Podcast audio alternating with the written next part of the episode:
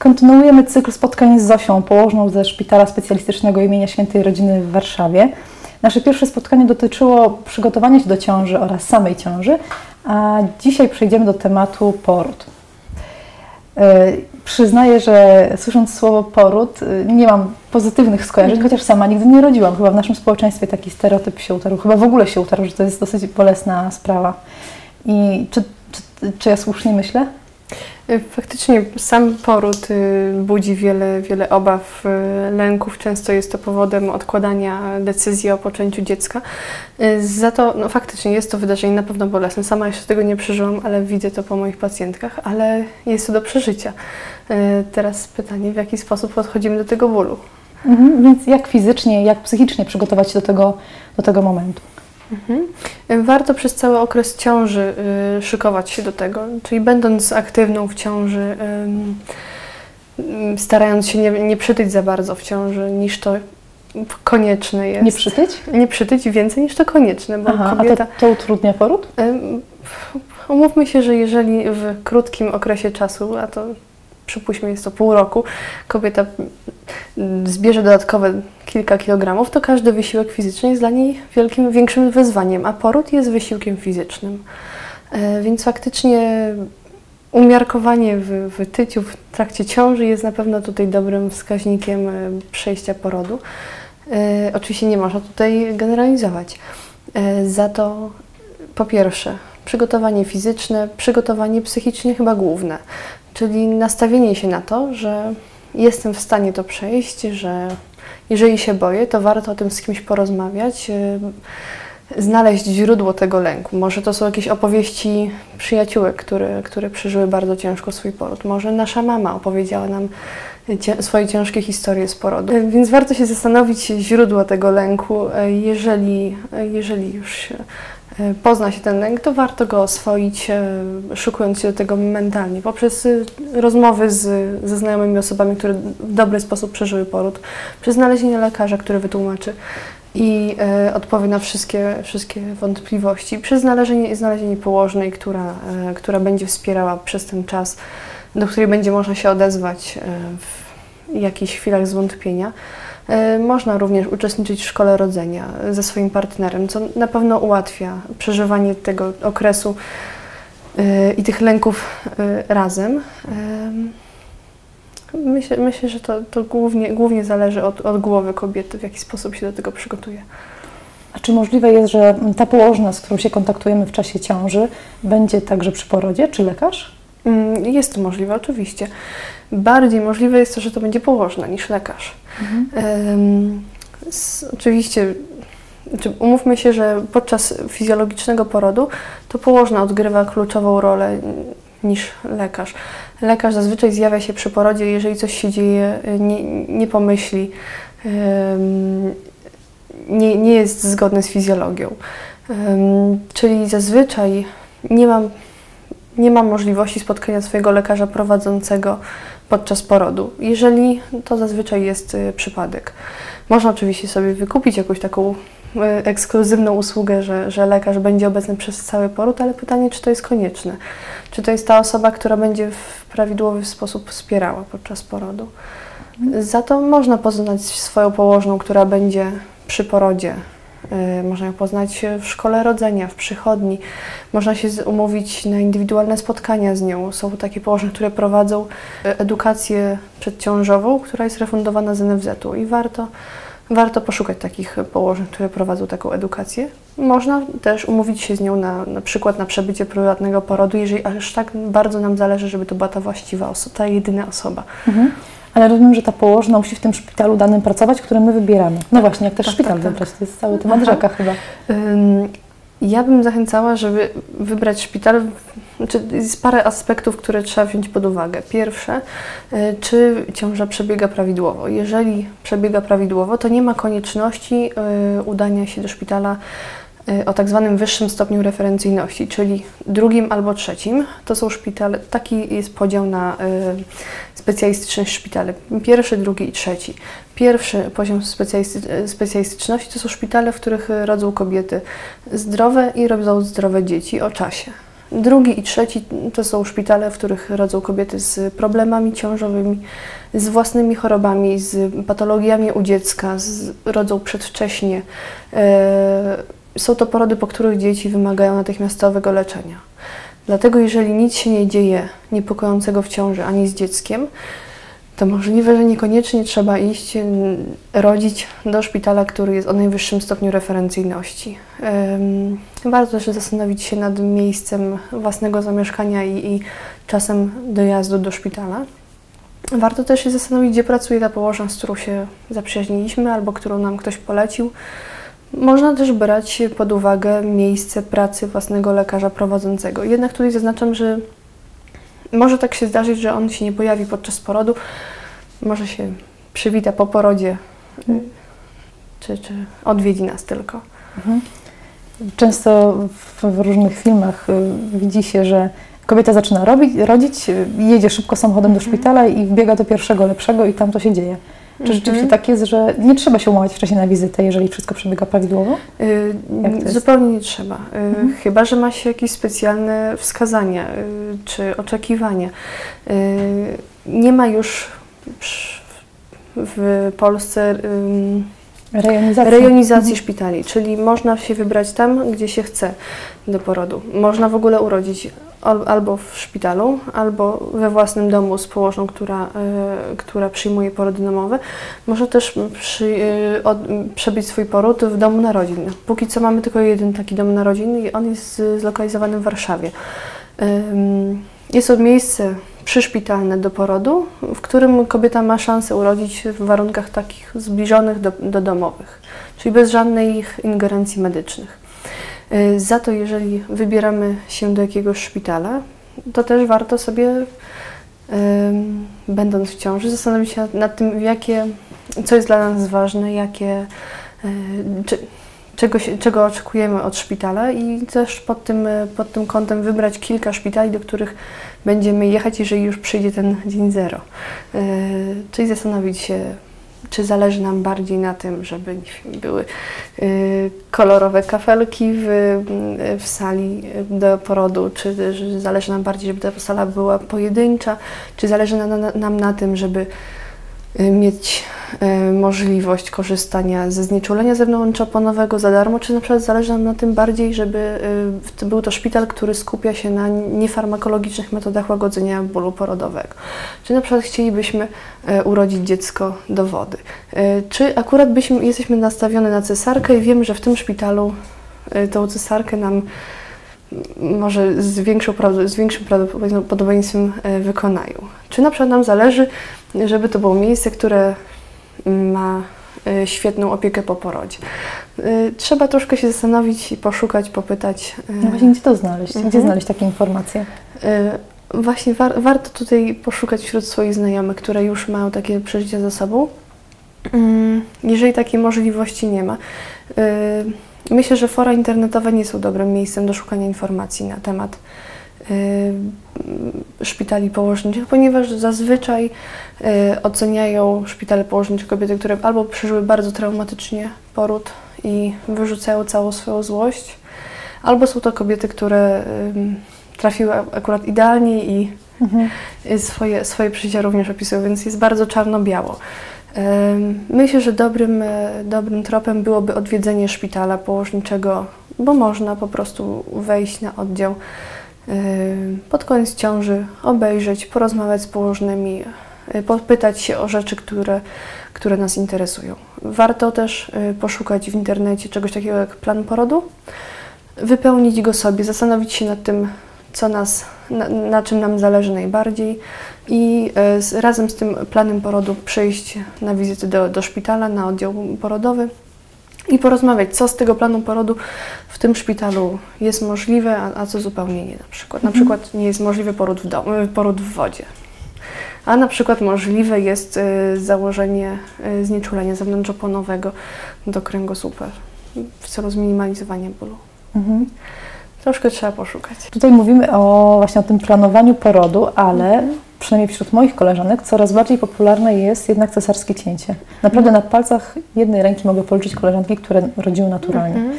zacznijmy od tego, czym w ogóle jest cesarskie No cięcie. Jest to, jest to operacja polegająca na wydobyciu dziecka z brzucha. Przecina się i skórę brzucha, przecina się mięśnie e, brzucha, czyli te mięśnie, które nam później e, pomagają choćby wstać z łóżka. E, przy kichaniu je czujemy, jak się nam napina brzuch.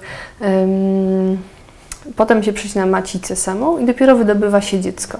Czyli przecina się bardzo dużo rzeczy, które, e, które jednak w dłu- dłuższy czas e, odczuwamy skutki tej operacji niż porodu, porodu naturalnego.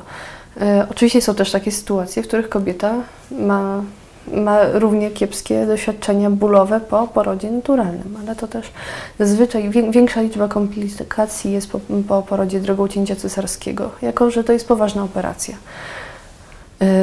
Dla dziecka to też nie jest idealna droga wyjścia, ponieważ zazwyczaj cięcie cesarskie wykonuje się, właśnie, można wykonać albo planowo, czyli przyjść zapisanego dnia i, i wykonać to cięcie cesarskie tak, jak zostało umówione z lekarzem, e, albo wykonać to cięcie cesarskie już po rozpoczęciu akcji porodowej, czyli po rozpoczęciu skurczów, nie wiem, odpłynięciu płynu owodniowego, coś się zadzieje już w organizmie matki, że dziecko już dostanie te sygnały, że niedługo będzie wychodziło. Ale dalej to nie jest takie dostymulowanie dziecka jak przy porodzie drogą naturalną, kiedy dziecko przepycha się przez kanał rodny i e, te bodźce bardzo, bardzo silnie na nie działają.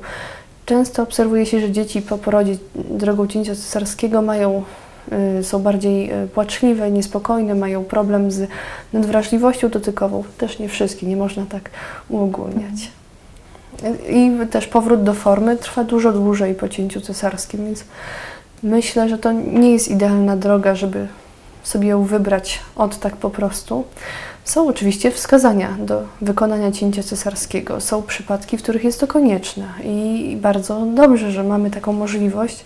Tutaj takim wskazaniem do takiego planowego cięcia cesarskiego, czyli faktycznie umówienie się z lekarzem, ale to już jest na, y, płacone przez NFZ, bo to, to już są konkretne y, wskazania do mm, porodu drugą cięcia cesarskiego. Może być na przykład nieprawidłowe ułożenie dziecka w brzuchu.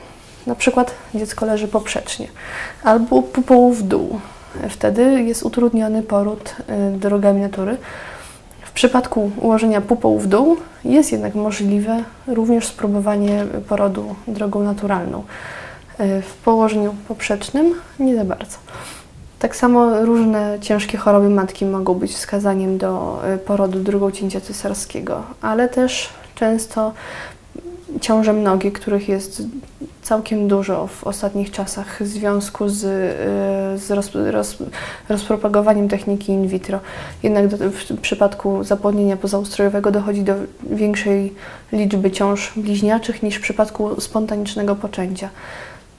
Często też dzieci y, przedwcześnie rodzące się, czyli te wcześniaki tak zwane, też trzeba urodzić drogą cięcia cesarskiego. Są różne wskazania do tego. Czasami sam poród przebiega nieprawidłowo, na tyle, że trzeba zakończyć poród w ten sposób.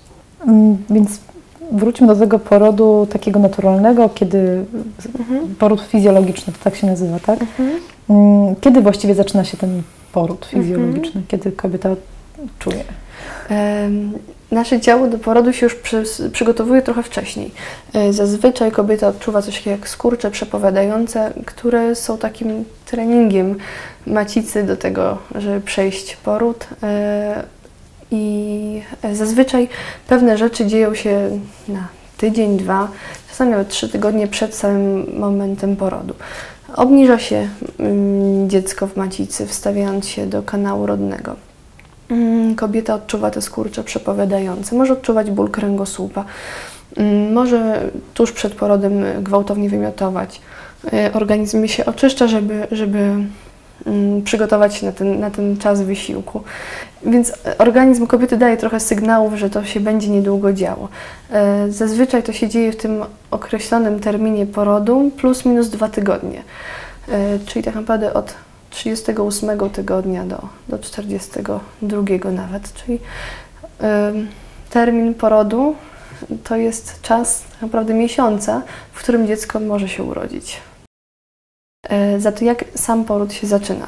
Może, się, może być parę scenariuszy. Pierwszym scenariuszem jest e, rozpoczęcie się porodu przez e, rozpoczęcie się czynności skurczowej regularnej. Czyli macica napina się regularnie, najpierw co 10 minut, najpierw co 15 minut, potem co 10 minut, potem zwiększa się ta częstotliwość do 5-3 minut. E, kobieta odczuwa skurcze, które trwają powyżej zazwyczaj 40 sekund, minutę. E, I to tak się, i to tak się utrzymuje. Te skurcze, które kobieta odczuwa, jeżeli są regularne, trwające około minuty, powtarzające się co 5-10 minut e, i nieustępujące, można uznać za początek porodu. Mm, I początek takiej pierwszej fazy porodu, która jest taka bardzo długa i, i zazwyczaj żmudna. E, więc to jest pierwszy scenariusz. Drugi scenariusz jest to rozpoczęcie się porodu od e, odejścia wód płodowych, czyli pęka ten worek, w którym dzieciątko mieszka sobie, który jest wypełniony dużą ilością płynu. E, kobieta widzi to na zewnątrz, że jak, jak, jakaś tam, jakiś płyn e, odszedł z jej dróg rodnych i to zazwyczaj jest e, drugi scenariusz rozpoczęcia porodu. Zazwyczaj w, krótkim czasie później zaczynają się skurcze i cała akcja skurczowa, ponieważ samo odejście wód płodowych również wyzwala pewną kaskadę hormonalną, która prowadzi do, do rozpoczęcia akcji skurczowej. I wtedy się zaczyna ten pierwszy okres porodu, mm, który może trwać w przypadku pierwszego dziecka całkiem długo, e, nawet 20 godzin, e, nawet dłużej. Teraz pytanie, czy faktycznie dobrze został zdiagnozowany ten początek porodu, czy kobieta nie liczy tych godzin od na przykład jeszcze skurczy przepowiadających. Można powiedzieć, że rodziłam 3 dni cztery dni są takie opowieści. Zazwyczaj, e, zazwyczaj to, to był ten czas jeszcze skurczy przepowiadających szykowania się do porodu. Mm. I czy te skurcze już są bolesne? Nie dla każdej kobiety. Każda kobieta ma inną wytrzymałość bólową. E, też nie można powiedzieć, że jeżeli zawsze biorę znieczulenie u dentysty i zawsze biorę leki przeciwbólowe podczas bolesnej miesiączki, to faktycznie jestem niewrażliwa na ból mhm. i porodu nie przeżyję. Um, o dziwo, nasze ciało podczas porodu wytwarza oprócz tych hormonów, które działają na macicę, powodując skurcze, to jest tak zwana oksytocyna, e, wydzielają jeszcze taki drugi hormon endorfiny, który to, to są hormony związane z jednak szczęściem naszym. E, możliwe, że to nie, nie, nie jest odczuwane przez nas w tym momencie jako szczęście, ale te endorfiny działają mocno przeciwbólowo. Te skurcze pierwszej fazie porodu y, zazwyczaj są odczuwalne jak, jak, jak bóle menstruacyjne. One potem są coraz dłuższe, coraz częstsze, coraz bardziej męczące, jako że to trwa po prostu odpowiednio dużo, długo, dużo czasu. Przy pierwszym porodzie ten, ta faza pie, pierwsza, czyli skurczy, które nie dają jeszcze takiego wyraźnego efektu, jakim jest moment urodzenia dziecka, tylko te skurcze mm, powodują y, obniżanie się dziecka w kanale rodnym, czyli dziecko pod wpływem tego kurczącego się y, worka, jakim jest macica, y, obniżają dziecko w kanale rodnym, powodując, że dziecko swoją główką napiera na szyjkę macicy.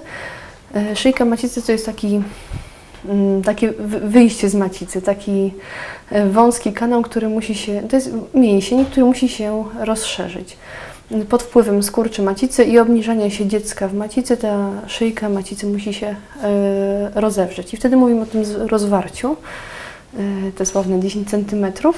To jest faktycznie ten moment y, 10 cm, w którym faza pierwsza okresu się kończy. Czyli macica jest, szyjka macicy jest już na tyle otwarta, że dziecko może się zacząć rodzić już na zewnątrz. Pierwszy okres porodu jest potrzebny po to, żeby żeby cały organizm kobiety się zmienił, tak żeby dziecko mogło wydostać się na zewnątrz. I faktycznie ten czas, można powiedzieć 6 godzin, 8, nawet 20 godzin skurczy może być trudny, y, wyczerpujący fizycznie, również psychicznie. Y, ale jest to czas, w którym też nie zachęcamy, żeby od razu przy poczuciu pierwszego skurczu jechać do szpitala warto to zrobić odpowiednio później, żeby, żeby ta czynność skurczowa już była mocna i, i na pewno samo, sam przyjazd do szpitala który jest stresujący i, Mhm. i wywołuje różne, różne lęki, może za, zablokować tą całą kaskadę hormonalną, która już trwała. Więc warto przyjść do szpitala w odpowiednio późnym czasie, żeby, żeby już tego nie, nie zahamować, żeby, żeby już ta cała praca, która została wykonana na przykład w domu, nie, nie zablokowała się. Więc jak, Mhm. jak przetrwać te, znaczy przetrwać, jak, No przetrwać. no jak przetrwać te 20 godzin na przykład, Mhm. kiedy, kiedy te skurcze są, Mhm. będąc w domu na przykład. E, warto zadbać o swój komfort, czyli robić to, co lubimy. E, pójść na spacer z psem, ym, nie wiem, ugotować duży obiad. Niektóre mamy lubią bardzo sprzątać, a proszę bardzo, nie sprzątają. Każda aktywność fizyczna e, i każda czynność, która powoduje w nas rozluźnienie, nie wiem, choćby taniec z partnerem, powoduje e, wydzielanie endorfin, uspokojenie wewnętrzne, e, co jest, co jest bardzo prawidłowe w porodzie, czyli można się przespać. Mimo tych skurczy, które nawracają co kilka minut, każda drzemka podczas skór, pomiędzy skurczami jest cenne, bo oszczędzamy siły na, na późniejszy czas. Mm, Bardzo, bardzo wskazane jest ruszanie się podczas porodu, czyli nie leżenie plackiem i tylko myślenie, jak tu przeżyć kolejny skurcz i że on za chwilkę przyjdzie i, i że znowu będę musiała zacisnąć zęby i, i, i że to takie straszne, tylko warto zastanowić się, czy jestem w stanie zrobić coś ze swoim ciałem, co mi pomoże przeżyć te, te kolejne skurcze. Jeżeli pomaga, to kręcenie biodrami. E, Można sobie usiąść na takiej dużej piłce gimnastycznej i, i na niej kręcić biod- biodrami, podczas skurczu delikatnie podskakiwać. To też działa e, łagodząco. E, Partner, koleżanka, siostra, kto tam jest przy porodzie i kogo chcemy, kto chce, kogo chcemy mieć przy porodzie przy nas, może masować kręgosłup, może masować nogi, kark, puścić miłą muzykę, zapalić świecę w domu. Cokolwiek, co, co spowoduje poprawę nastroju i, i rozluźnienie. Dobrą rzeczą jest również branie kąpieli podczas porodu. Może to być e, rozluźnienie się w wannie z ciepłą wodą albo długi, długi prysznic e, ze strumieniem skierowanym na te części ciała, które bolą. To może być boleć brzuch, może boleć kręgosłup. Wszystko, co, co powoduje rozluźnienie. Tania, Tak, rozumiem, że kiedy jesteśmy, kobieta jest w domu i się relaksuje mhm. i, i w ogóle świetnie się czuje, Mhm. tylko te skurcze co jakiś czas tak ją łaskoczą delikatnie. E, kiedy odchodzą wody, rozumiem, Mhm. że to jest moment, kiedy już trzeba do tego szpitala jechać. Też właśnie na szczęście niekoniecznie. E, kiedy w ogóle trzeba pojechać do szpitala? Kiedy te Mhm. skurcze już są dużo silniejsze, już trwają zdecydowaną, zdecydowany czas. Kobieta przestaje się czuć już bezpiecznie w domu, jeżeli czu, czułaby się lepiej w szpitalu, jak najbardziej to jest czas, kiedy powinna pojechać do szpitala.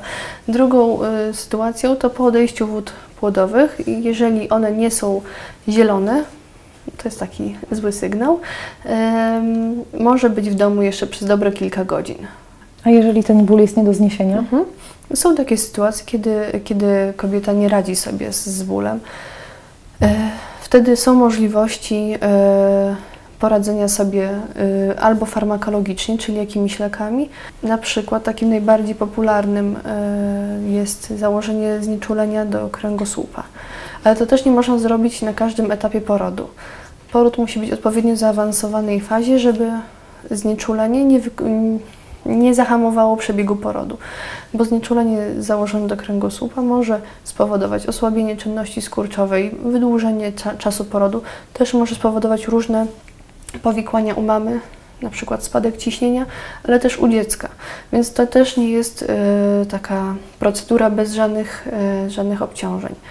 Mm, Ale jeżeli mamy, mamy taką, taką możliwość i chcemy, albo koniecznie chcemy, to jak najbardziej jest- to do, e, do wykonania. Teraz tylko trzeba się zastanowić, czy w tym szpitalu, w którym rodzimy, jest to możliwe i czy jest to bezpłatne, bo nie w, powinno być to bezpłatne, jednak nie zawsze jest. Zazwyczaj e, jeszcze w Polsce za znieczulenie zewnątrzoponowe, czyli to zakładanie do kręgosłupa się płaci. No i mm, jak to wygląda? E, Lekarz anestezjolog musi, musi się pojawić na sali porodowej e, i poprzez, poprzez kręgosłup wbija igłę, którą y, którą, y, którą, przez którą poda, zakłada taki, taką delikatną cewnik, taką niteczkę do kręgosłupa i przez, przez ten cewnik podaje lek, który minimalizuje ból w tym odcinku, który nas boli, czyli ten cały, ta, ta część brzucha i kręgosłupa. Oprócz znieczulenia, które możemy założyć do kręgosłupa, są jeszcze inne metody łagodzenia bólu. Niektóre szpitale teraz oferują y, łagodzenie bólu poprzez wdychanie mm, tlenku azotu, czyli takiego gazu rozweselającego. Ym, Z Twojego doświadczenia działa? Nie zawsze oczywiście, ale też nie zawsze działa to dobrze na kobiety. Czasami one tak troszkę odpływają, nie współpracują ze swoim ciałem, z dzieckiem i podczas porodu y, troszkę y, gorsza współpraca jest z, z pacjentki z własnym ciałem. Też nie ma idealnych badań na temat tego, czy to nie jest przypadkiem y, szkodliwe dla dziecka, więc jest taka możliwość kolejna. Jeszcze jest trzecia możliwość, najmniej inwazyjna i to już w ogóle nie mamy żadnych leków włączonych w to. Jest taka metoda, która się nazywa TENS i w niektórych szpitalach jest to y, używane. To, są, to jest przezskór, przezskórna y, elektrostymulacja nerwów. Czyli naklejane są takie elektrody na, na kręgosłup, które wysyłają pulsy y, elektromagnetyczne, elektryczne takiej bardzo niskiej częstotliwości, które działają rozluźniająco i znieczulająco. Mhm. Czy to jest dostępne w każdym szpitalu już? Niestety nie właśnie. Mhm. Więc też y, szukając miejsca porodu warto, warto podpytać się, co oni oferują, jakie mają możliwości, co jest za darmo, co jest za dodatkową opłatą. A z Twojego doświadczenia mm, w- z pracy w szpitalu wynika, że dużo kobiet prosi o znieczulenia, o leki. Mhm. O... Z- je- Zazwyczaj jest taki moment w porodzie, jest taki, mm, nazywa się to nawet kryzys siódmego centymetra. Y, Mniej więcej na, na fazie rozwarcia szyjki macicy około 6-7 centymetrów przechodzi takie, taki czas zwątpienia, zmęczenia. Y, Mimo, że kobieta była nastawiona na naturalny po- poród, nagle chce się pakować, wychodzić ze szpitala, mówić, ja już mam dosyć i, mm, i zróbcie mi cesarkę, ja chcę znieczulenie, ale zazwyczaj Zazwyczaj po, po przejściu tego trudnego czasu, zaproponowania jeszcze innych możliwości łagodzenia bólu w sposób niefarmakologiczny y, udaje się bez, bez żadnych takich ingerencji. Ale czy, czy dużo kobiet przyjmuje znieczulenie? No, na pewno więcej, skoro mamy taką dostępność. Im więcej y, mamy y, też kobiety, które rodzą w szpitalu, w których jest refundacja znieczulenia, często też nastawiają się na to, że jeżeli będą chciały, to wezmą to znieczulenie, ale często summa summarum go nie, nie przyjmują. Ale to poczucie bezpieczeństwa, że w razie czego mogę. Mm, To jest indywidualna sprawa kobiety, też przebiegu porodu. Są porody, w których y, na przykład porody indukowane, kiedy cała czynność skurczowa nie zaczyna się samoistnie, tylko trzeba ją wspomagać lekami, które są bardziej bolesne i wtedy nawet wskazane jest podanie znieczulenia. Druga- Przechodzimy do drugiej fazy. do, tej drugiej fazy, w której e, dziecko już jest zdecydowanie nisko e, w kanale rodnym, w miednicy ułożone. Mm, Oczywiście mówimy o porodzie fizjologicznym, kiedy to wychodzi najpierw główka. E, Szyjka macicy jest rozwarta na 10 cm ciało kobiety jest gotowe na to, żeby urodzić dziecko. E, Wtedy zmienia się charakter skurczy. Mm, One zazwyczaj są mocniejsze, ale y, kobieta już mm, zazwyczaj nie odczuwa ich jako boleśniejszych. Odczuwa, że są intensywniejsze, że mają zdecydowanie inny charakter. Y, mm, A jaki charakter? Właśnie to jest ten charakter, który jest pokazany już na filmach, czyli przyj kobieto przyj. Czyli kobieta odczuwa ym, nagły, nagłą potrzebę wyparcia dziecka ze swojego organizmu, wypchnięcia. Y, Jest to spowodowane tym, y, że dziecko y, swoją główką naciska na takie obszary w miednicy. Zlokalizowane też blisko, blisko, y, blisko odbytnicy. Tam są takie zakończenia nerwowe, y, na które dziecko jak na- naciska główką w kanale rodnym, to mamy takie uczucie podobne, zbliżone, y, jak mm, przy wypróżnianiu się. Można to porównywać, ale to jest mm, zupełnie co innego. ale fizjologicznie można tak to opowiedzieć, że w ten sposób y, skąd w ogóle to, ta, ta potrzeba parcia się y, wywodzi. Ale dziecko swoją główką mocno rozpycha kanał rodnym i, i, i powoduje u, u kobiety takie, takie odczucia chęci parcia. Ta druga faza jest już w porównaniu do tej pierwszej zdecydowanie krótsza. Mm, To znaczy, w przypadku u- pierwszego dziecka ona nie powinna trwać dłużej niż dwie godziny. Zazwyczaj trwa dużo krócej. E, Niektóre kobiety nawet rodzą w 15 minut dziecko e, w tej drugiej fazie. Na pewno te skurcze na pewno są silniejsze, bo, boleśniejsze już nie za bardzo, nie aż tak od, odczuwane, ponieważ e, kobieta dokładnie wie, co zaraz nastąpi. Dokładnie wie, że każda jej praca w tym momencie włożona e, za chwilę poskutkuje e, wyjściem dziecka na świat. Czyli już jest to mocno mobilizujące dla kobiety. Jest coś takiego jak nacinanie krocza, ja gdzieś to słyszałam. Mhm, Co to jest i mhm. czy to jest konieczne? E, Właśnie, to jest kolejna rzecz, o którą warto się spytać, e, szukając szpitala. E, Czy w tym szpitalu położne starają się nie nacinać krocza przy porodzie, czy zazwyczaj jest to jednak robione tak rutynowo? E, Warto poszukać informacji takich rzetelnych na temat em, ocen szpitali i procedur w nich wykonywanych. Na przykład jest taka strona założona przez Fundację Rodzić po ludzku, chyba gdzie, gdzie rodzić. E, I tam jest dobry, e, dobry opis wszystkich szpitali w Polsce e, razem ze statystyką, czyli ile procent cięcie cesarskich, ile procent nacięć krocza w danym roku, ile procent znieczuleń, jakiego rodzaju znieczuleń i tak dalej, i tak dalej. Już takie suche fakty, które troszeczkę pomagają em, kobiecie w podjęciu decyzji. Warto na taką stronę e, zajrzeć. Fizjologicznie kobieta, e, kobiece krocze może delikatnie pęknąć podczas porodu. Czasami to jest nawet bardziej wskazane niż nacięcie krocza, ponieważ to jest kolejna e, ingerencja, niefizjologiczne przerwanie ciągłości tkanek, które później w inny sposób się goi. Inną daje bolesność po porodzie. Może to się wydawać bardzo mm, takie Drastyczne. tak, drastyczne, ale y, sam moment nacięcia krocza, jeżeli jest to konieczne, zazwyczaj nie boli. To, co boli, to efekt tego, czyli gojenie się tej rany. Ym, ale można tego uniknąć poprzez, y, poprzez prawidłowe parcie podczas porodu, prawidłową pozycję podczas porodu. Sam fakt wybrania odpowiedniej pozycji do porodu, mm, do momentu narodzin dziecka jest już kluczowa dla tego faktu, czy będzie trzeba naciąć krocze, czy nie i w jaki sposób, czy to będzie łatwy poród, y, łatwe wypychanie dziecka na świat, czy nie. Warto starać się y, z położną zdecydować o takiej pozycji, która będzie dawała kobiecie oprócz tych sił, które daje natura, czyli tych skór czy macicy, również troszeczkę pomocy w postaci grawitacji. E, O wiele łatwiej jest urodzić dziecko mając dodatkowe siły grawitacji, czyli będąc bardziej spionizowaną. Tutaj może być to pozycja w kłódzki, na takim specjalnym krzesełku do porodu, czyli siedząca. E, Wisząca na mężu, czyli bardziej stojąca, w której dziecko cały czas jest popychane również siłami grawitacji. No i tu y, jest jeszcze taka pozycja kolankowo-łokciowa, kiedy kobieta e, można powiedzieć rodzina czworaka, to też jest pozycja, w której dziecku łatwiej wydostać się na świat.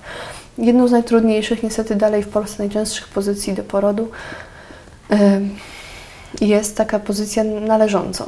Mm, Czyli kobieta leży albo pół siedzi na łóżku. Wtedy, wtedy tak naprawdę dziec, dziecko musi wypchnąć trochę pod górkę. Jest to, jest to jednak trudniejsze niż w tych pozycjach e, bardziej wertykalnych. E, Dlatego warto szukać takiego miejsca, takiej położnej, która będzie chciała współpracować, e, będzie chciała być pomocna w, dobraniu tej odpowiedniej pozycji. Też w tych pozycjach bardziej stojących, siedzących, kucznych mm, ryzyko konieczności wykonania nacięcia jest zdecydowanie mniejsze. Więc to nie jest tak, że to każda kobieta, która rodzi pierwszy raz, musi mieć wykonane nacięcie krocza. To jest, powinno być zdecydowanie rzadsze niż jest w Polsce. To jest e, faza druga. Mhm. Rodzi się dziecko. Yy, Jeżeli z dzieckiem wszystko jest w porządku, dziecko powinno być ułożone blisko piersi mamy, czyli bezpośredni kontakt skóra do skóry od razu po porodzie.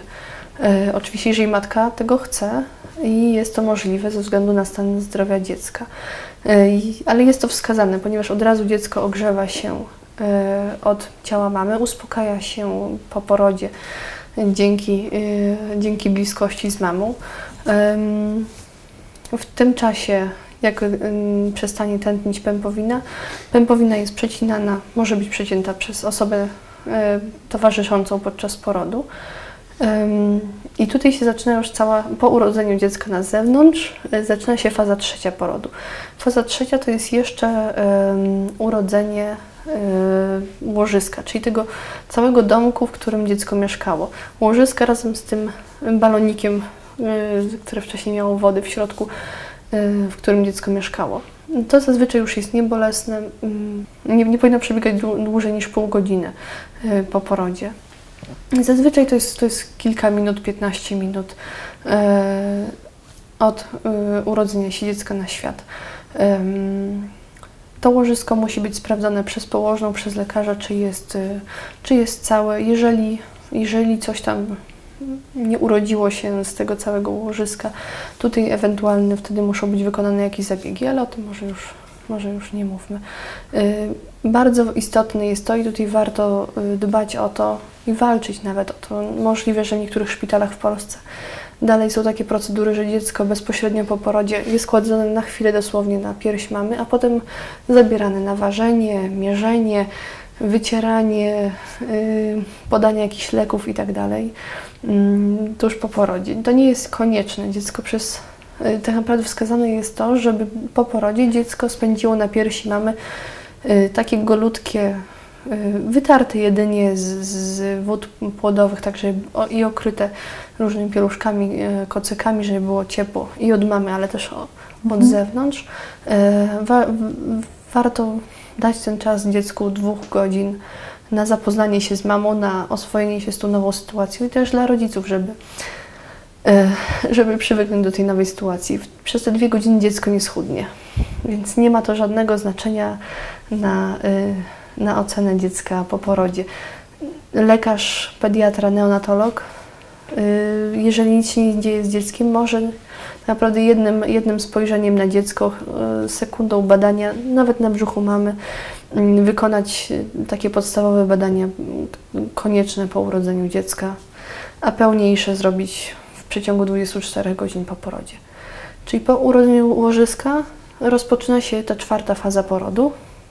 W sumie tam już się nic nie dzieje takiego strasznego, tylko właśnie jest to już czas na, na, na cieszenie się i, i spokój. Są to dwie godziny, ten czwarty okres porodu, dwie godziny na odpoczynek po porodzie i, i, i na mm, ten pierwszy kontakt bliski dziecka z mamą E, chyba, że mama nie może, bo na przykład ma wykonywany jakiś zabieg, no to wtedy e, e, na swoją pierś gołą też tata może zabrać swoje dziecko i przytulić. To też niekoniecznie musi być mama, jeżeli na przykład mama nie może tego wykonać albo nie chce.